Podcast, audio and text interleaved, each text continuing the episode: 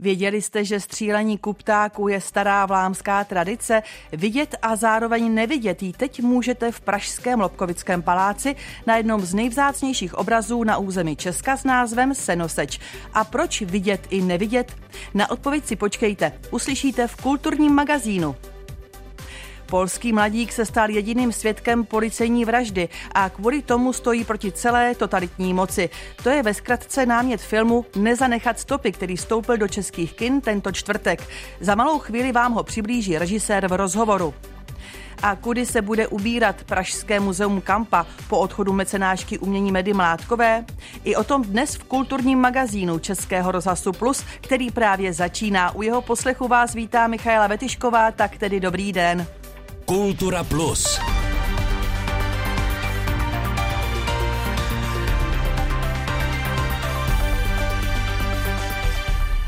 3. května zemřela mecenáška a sběratelka umění Meda Mládková. Bylo jí 102 let. Založila muzeum Kampa a Praze darovala svou cenou sbírku moderního umění, včetně děl Františka Kupky. Před jejím bytem v muzeu Kampa vzniklo pětní místo. Když jsem se to ráno zvěděla, jak jsem věděla, kam půjdu na procházku. Nad oknem bytu, ve kterém Meda Mládková bydlela, visí její portrét, pod ním je hodně květin a zapálených svíček. Lidé říkají hlavně to, že si Medy Mládkové vážili a vzpomínají i na osobní setkání. To, že nám tady nechala takovou sbírku, jakou nechala. Dost cením i za ten boj, když se teda snažila obnovit to muzeum Kampa. Ona milovala trikoloru a říkala, to máme bezvadnou tu vlajku. Zapálit svíčku Medě Mládkové mohou u muzea Kampa do dnešní 20. hodiny. Tolik autentická reportáž Adéry Burešové z úterního odpoledne. Teď ve vysílání Českého rozhlasu plus vítám šéf kurátora Muzea Kampa Jana Skřivánka. Dobrý den. Dobrý den. Paní Meda zemřela ve věku úctyhodných 102 let. Na její odchod jste byli určitě připraveni, neboť v posledních letech se paní Meda držela v ústraní. Připomeňme si ale, kdo teď vede nadaci Mládkových a na jakém principu? Tak eh, já musím říct, že nás to vlastně zaskočilo, že byť samozřejmě 102 let je hodný věk, tak nějak jsme všichni měli pocit, že vlastně paní Meda s náma bude vždycky. Takže, takže vlastně v tomhle to bylo, bylo, bylo překvapivé nebo, nebo e, šokující trošku. E, jinak z hlediska nadace vlastně se tolik nemění, protože e, předsedou nadace Muzeum Kampa, nadace Jana a Medy Mládkových je vlastně již od roku 2016 pan Jiří Podpíšil a takže v tomto smyslu vlastně jak nadace, tak muzeum pokračují ve své činnosti naprosto standardně. Paní Meda vlastně v posledních letech už byla jenom řadovým, řadovým členem ve správní radě nadace. Paní Meda byla velmi aktivní a houževnatou dámou. Měla nějaká specifická přání, kudy by se měla nadace její a jejího manžela ubírat dál? Já myslím, že nebo je to to vlastně moto, které, které máme vyvedené i na fasádě muzea, Eh, které řekl Jan, Jan Mládek a to je přežili kultura, přežije národ, čili tam eh, vlastně ta víra v moc a moc, moc kultury a v tom my vlastně chceme, chceme, chceme pokračovat, čili eh, to zaměření zůstává stejné, možná v naší sbírkové činnosti jsme se trochu posunuli v tom, že, že se do sbírka doplnila o řadu děl exilových autorů, které paní Meda tolik, tolik nezbírala a dál vlastně rozšiřujeme tu sbírku a v návaznosti na to e, se odvíjí i výstavní činnost vlastně o další výrazné osobnosti umění od 70. let do současnosti. Dá se říci, jakou hodnotu má v současné době sbírka e, nadace, neboť když ji paní Meda darovala hlavnímu městu Praze, tak její odhadní cena byla asi 30 milionů dolarů. Jak je to dneska? No tak e, dneska 30 milionů dolarů by byl, já nevím, jako ten, ten největší obraz e, katedrála jenom, myslím, klidně, klidně by tolik, tolik mohl stát. Ale oni jsou to v podstatě dvě věci. Jedna, jedna je ten, e, ta sbírka, která byla tedy e, v roce 99 e, darována městu vlastně výměnou za, e, za, za ten prostor solových mínů e, a to je tedy e, ta kolekce děl Františka Kupky a podstatná část Eh, té sbírky eh, poválečného umění, to znamená celý konvolut eh, díla Jiřího Koláře, velká sbírka děl Adrieny Šimotové a vlastně další.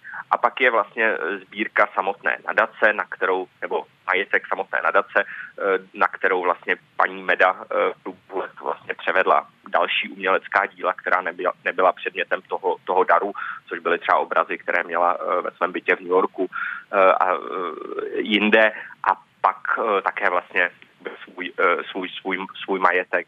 A ten, eh, tu nadační sbírku vlastně nadace, nadace dále, dále rozšiřuje, například i díky vlastně podpoře Ministerstva kultury. Třeba v loňském roce jsme mohli získat sochu Jindřicha Zeidhamla nebo, nebo soubor, soubor soubor soch Bohumila Zemánka, čili nadace je v tomhle dál, dál aktivní. Vyjádřit to v korunách úplně, úplně neumím. Bude to prostě v, v řádu desítek milionů korun nebo, nebo, nebo nižších, nižších stovek milionů korun. Eh, ta sbírka, která byla předmětem, eh, předmětem daru eh, Praze, tak to bude tedy násobně, násobně víc, než, ne, ne, než to bylo před těma 23 lety. Muzeum Kampa je samozřejmě nejenom sbírkotvornou institucí, ale pořádáte také krátkodobé výstavy. Jaké konkrétně výstavy letos vlastně Muzeum Kampa nabídne? Co je před vámi? Tak teď ještě vlastně do konce května máme velkou výstavu Jiřího Sobka, což je jeho vlastně první velká výstava v Praze po 15 letech a je to v podstatě průřezová respektive více jak 50 lety jeho, jeho tvorby. Potom v červnu bude následovat výstava, která představí vlastně manželskou dvojici Olbram Zoubek Eva Kmentová, což myslím, že bude velice zajímavý počin, protože tito dva sochaři jsou dneska vnímáni eh, vlastně poměrně odděleně, eh, eh, ne až antagonisticky a vlastně ta výstava chce ukázat, že vlastně na sebe velice reagovali a že, že to dílo k sobě má v určitých momentech blíž, než, než, než by se mohlo, mohlo zdát. Tak ať se muzeu Kampa daří. Tolik ve vysílání šéf kurátor muzea Kampa Jan Skřivánek. Děkuji za to. Děkuji za pozvání. Senoseč pod drobnohledem v Lobkovickém paláci na Pražském hradě můžete teď strávit hodiny a hodiny u dotykové obrazovky a zkoumat tak do nejmenších detailů jeden z nejcennějších obrazů evropského umění 16. století. Autorem zácné olejomalby na dubové desce je vlámský malíř Peter Brechl starší a právě tam u tohoto obrazu natáčela Alžběta Havlová tak už podle ozvěny je znát, že jsme v paláci, v Lobkovickém paláci na Pražském hradě a se mnou je tady ředitelka Lobkovických sbírek Dita Baker. Dobrý den. Dobrý den. Mohli bychom ten obraz teď eh, popsat trošku pro posluchače, co se na něm odehrává, co se tam děje? Vidíme zde vlámské vesničany, kteří hrabou seno, obrací seno, aby uschlo, ale také ho vlastně nakládají na valník, který je tažen dvěma koňmi. A v popředí toho obrazu vlastně vidíme tak takové tři ústřední ženské postavy. A to městečko v pozadí je tedy skutečné nebo je to fantazie autora?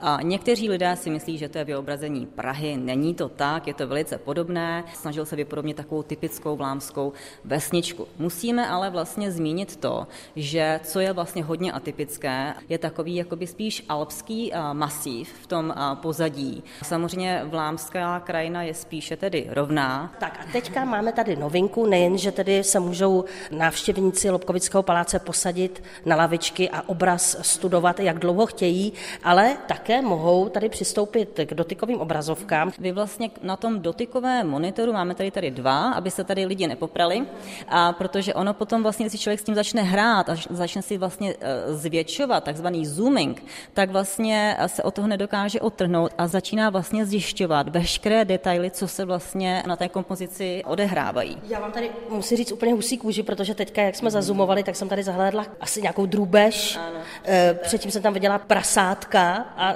to samozřejmě z této dálky několika metrů, 4-5 metrů samozřejmě nemůžete absolutně vidět, ale když si tady stoupnete k obrazovce, to je vlastně s kvostem, když člověk vlastně ano. konečně zjistí, co se děje v pozadí. A v té vesnici je to taková vlastně už tradiční zábava, především teda ve vlámských městech a vesnicích, a to je takzvaný střílení kuptáku, kdy teda vlastně na dřevěné tyči, hodně vysoko, tady teda už ten detail vidět není přeci jenom, ale tady by vlastně byl uh, upevněn takový model dřevěného ptáka, do kterého vlastně tito lukostřelci střílejí a je to vlastně hra, kdo se strefí, tak vyhrává. Pro mě jako lajka to působí, kdyby to dělal párátkem, no. nebo...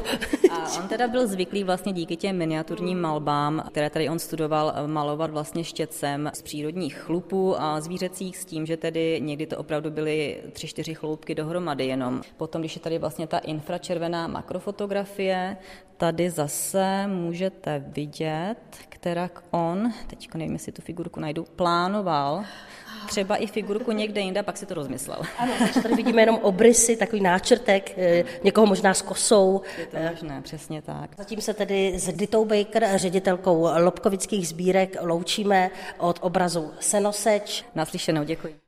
K velmi uznávaným osobnostem současného světového sochařství patří 67-letý Němec Tomas Schitte. Ten vůbec poprvé vystavuje v Česku. Jeho díla představuje Českobudějovická galerie současného umění. Na čtvrteční vernisáži natáčel Petr Kubát. Tak ocitáme se v první místnosti výstavy Tomase Šitého, která je věnovaná bystám, portrétům, což je jedno z takových základních eh, témat jeho tvorby, protože on se všeobecně zabývá člověkem jako takovým. S kurátorem Galerie současného umění Michalem Škodou stojíme u hlav, které představují staré ošklivé muže. Tomas Šite se inspiroval takovými podivnými postavami v Římě. O co přesně šlo? V tom Římě, kde on byl na rezidenci, probíhal korupční skandál a to byl moment, který ho vlastně inspiroval.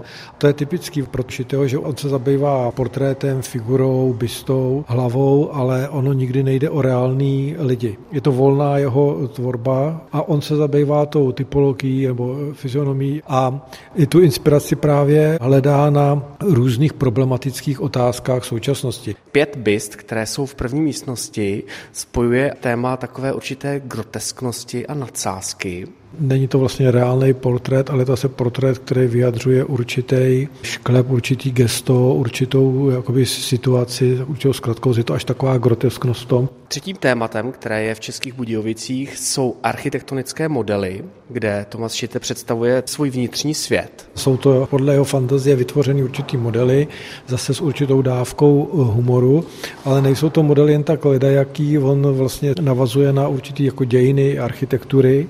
Je to podobně jako u těch eh, hlav nebo u figur, že on tím zase reaguje nějakým způsobem na určitou problematiku doby. Ty stavby představují něco, co zdánlivě vypadá jako něco jiného. Tomas je nedělal s tím, jakože to vždycky bude model pro to, že by se to mělo realizovat, ale už se v mnoha případech stalo, že podle těch modelů jsou opravdu postavený domy. Líčí kurátor Michal Škoda. Zatím nejznámější jako z děl architektonických, který vlastně byl na základě toho modelu postavený, tak je Skulpturenhalle, velký prostor, který postavil v Noisu u Düsseldorfu, kde vlastně i žije a ta skulpturenhala jako slouží jako výstavní prostor a zároveň jakoby v podzemí je velký archiv Tomasovo děl. Tomas Šite je považovaný za jednoho z nejdůležitějších představitelů současného světového sochařství. Kromě sochy se ale intenzivně věnuje také kresbě. To poznají i návštěvníci této výstavy. Je tady výběr z takového většího cyklu, který se jmenuje Luisa. To je starší práce právě, akvarely jsou to. A pak jsou tady tisky velký, které doplňují tu sérii hlav a těch architektonických modelů. Dodává Michal Škoda. Na přípravě výstavy se podílí i externí spolupracovník Jakub Šimek. Podle děl to je jako významný umělec a líbí se mi jeho věci, takže jako je mi to jako hodně blízký, tak se mi s tím dělá jako teď dobře. Výstava Tomase Šitého potrvá v galerii současného umění do 5. června. V reportáži jsme navštívili výstavu německého sochaře Tomase Šiteho v Českých Budějovicích. Šokující realitu i pocity lidí, kteří jsou přímo konfrontováni s válkou na Ukrajině, ukazují umělecká díla vystavená ve venkovní galerii Artwall pod letenskými sady v Praze. Výstava se jmenuje Reportáže z války. Na obrazech se objevují motivy smutku, bolesti, ale i hrdinského vzdoru. Umělci a umělkyně pracují s různými médii a výrazovými prostředky, od malby přes kresbu až po karikaturu. Na jednom obraze je rudá plocha, z níž rostou kříže, na jiném bomby padající z modré oblohy na žlutou zem, berle podpírající rozbouřenou oblohu, nazí lidé čelící obrněnému vozidlu nebo televizní diváci jako zajatci propagandy.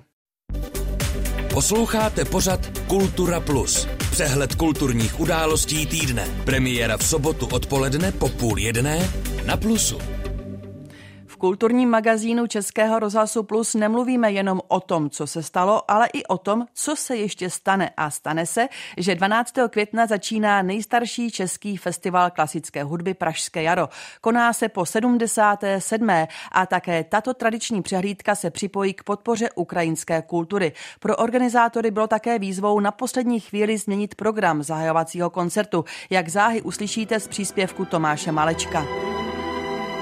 Mou vlast měl letos dirigovat legendární Daniel Barnboim, který už na Pražském jaru vystoupil několikrát. Kvůli zdravotním problémům ho ale na poslední chvíli nahradí 28-letý Thomas Guges. Což je bývalý Barnboimův asistent, ale v současné době má už svoji samostatnou kariéru, je designovaným šéf-dirigentem frankfurtské opery. Upozorňuje dramaturg Pražského jara Josef Třeštík. Pozornost chtějí pořadatelé taky věnovat dvoustému výročí narození belgicko-francouzského romantika Cezara Franka. Jeho monumentální symfonickou báseň Psych Tiché zahraje Česká filharmonie. Mecosopranistka Markéta Cukrová se pak pokusí o propojení francouzské a české hudby. Praha byla eh, bohaté město v 19. století a byla proslulá tím, že se v centru těch bytech, těch bohatých, konaly hudební salony, kde se sešli přátelé, někdo tam hrál na klavír, někdo tam zpíval a vlastně tenkrát bylo obvyklé, že se vědělo o tom, kdo kde tvoří nějaký soudobý skladatel, co vytvořil nového a byla tendence to v takových salonech zahrát. A právě atmosféru takového komorního salonu poloviny 19. století se Cukrová pokusí vytvořit za doprovodu klavíristy Gottlieba Vališe. Ani pražské jaro se nevyhne reakci na současnou válečnou situaci. Mimořádný koncert na počest Ukrajiny zahrají kijevští solisté. Jsou to lidé, které vpád na Ukrajinu, myslím vpád imperiálního Ruska, zastihl na turné po západní Evropě a oni už zůstali eh, této době jsou zrovna schopnosti v Norsku, i když to turné začalo tuším v Itálii a my jsme se s nimi domluvili, že vystoupí v rámci Pražského jara. Tím chceme vyjádřit aspoň malou formou, že mnohé osobnosti spojené s festivalem Pražského jara vlastně řešili v té nešťastné historii druhé poloviny 20. století podobné problémy. Připomíná ředitel festivalu Roman Bělor. Kijevští solisté zahrají 2. června v kostele svatých Šimona a Judy. A to hudbu Valentina Silvestrova, ale taky ukrajinskou lidovou Plinekača.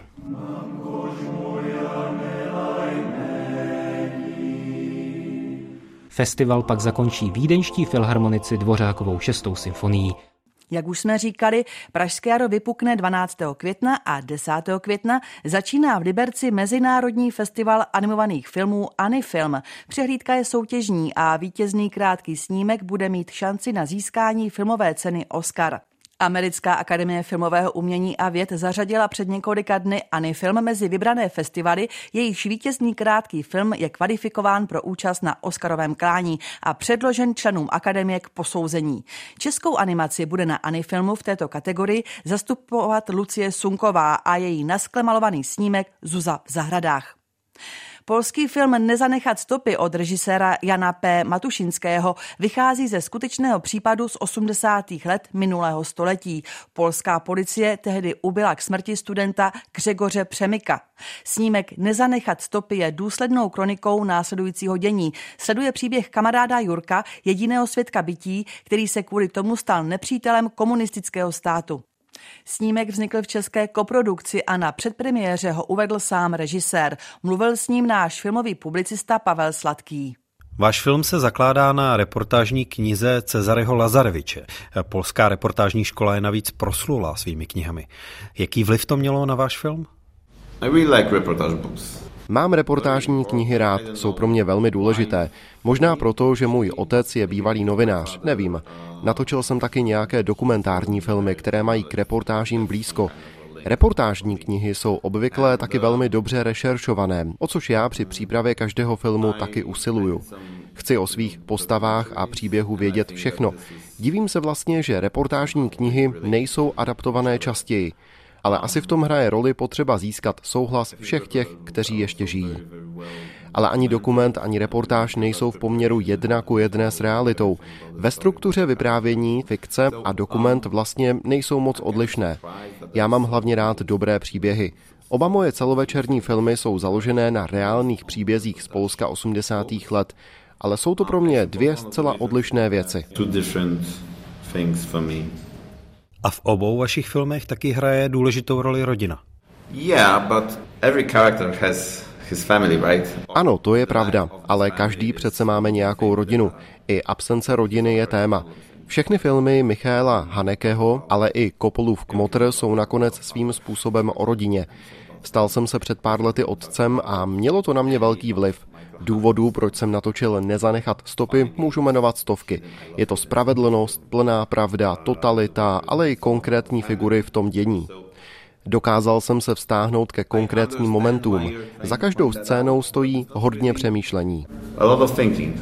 Pro mě je nezanechat stopy ze všeho nejvíc o tom, jak je využívaná a zneužívaná moc, jak se totalita pokouší zakrýt události, které se staly a tlačit na svědky. Zdá se mi dokonce, že v tom filmu je ukrytý určitý procedurální zájem o to, jak boj proti svobodě probíhá. Je to tak? It's all true. I agree. At the same time I can say that it's a coming of age story. To je pravda, souhlasím, ale zároveň můžeme třeba říct, že to je film o dospívání. A to se mi na Nezanechat stopy líbí. Záleží mi na svobodě a tento film mi poskytl příležitost o ní mluvit. Gregor Přemyk je zatčen proto, že se odmítne legitimizovat. Později na policejní služebně vidíme, že občanský průkaz měl. Proč ho tedy nechtěl ukázat? Protože znal svá občanská práva. Věděl, že to není jeho povinnost. Film je zrcadlem, které odráží pro každého z diváků něco trochu jiného. Pokud je to pro vás film o tom, jak totalita tlačí na jednoho mladíka a jednu rodinu, aby se rozpadla, tak je to pro mě naprosto v pořádku. Byla to jedna z milionů věcí, na kterou jsem při přípravách a natáčení myslel. Jak je příběh z filmu Nezanechat stopy relevantní pro dnešek? Proč ten příběh vyprávět právě dnes? I thought, yeah, it's more relevant than I've ever thought. Zdá se mi, že je ten film relevantní víc, než bych si kdy dokázal pomyslet. Došlo mi to naplno v momentě, kdy jsem se dozvěděl, že v Rusku můžete dostat 15 let vězení jen za to, že řeknete pravdu. Za nic víc. Když jsem knihu poprvé četl, dostal jsem strach. Uvědomil jsem si, že ten příběh znám z vlastní zkušenosti, i když jsem se narodil rok po klíčových událostech. Ve Spojených státech jsem se po projekcích filmu bavil o případu George Floyda a Black Lives Matter. To je síla kinematografie. Vypráví příběhy, které jsou přesné a reálné, protože jsou předložené ve zvuku a v obraze. A zároveň film nechává dostatek prostoru divákům. Svoboda je dnes opravdu důležité téma. Je to relevantní téma. Nejen pro mě, ale jinak bych ten příběh asi opravdu nenatočil. Otherwise, I, I, I wouldn't do this one, I think. A jestliže jsme vás v rozhovoru s režisérem Janem P. Matušinským pozvali na film Nezanechat stopy, přidáme i tip k návštěvě filmu Doctor Strange v mnoho vesmíru šílenství. Film s Benediktem Cumberbatchem v hlavní roli za dva dny od premiéry už viděli stovky návštěvníků. Fenomén filmu představuje ve své reportáži Alžběta Havlová a uvádí z arrogantního lékaře nejmocnějším kouzelníkem světa. Takový je ve zkratce osud komiksové postavy Doctor Strange z Marvelovského univerza. Film, kde se poprvé před 6 lety představil, se teď dočkal pokračování s podtitulem V mnoho vesmíru šílenství. Every night I dream the same dream.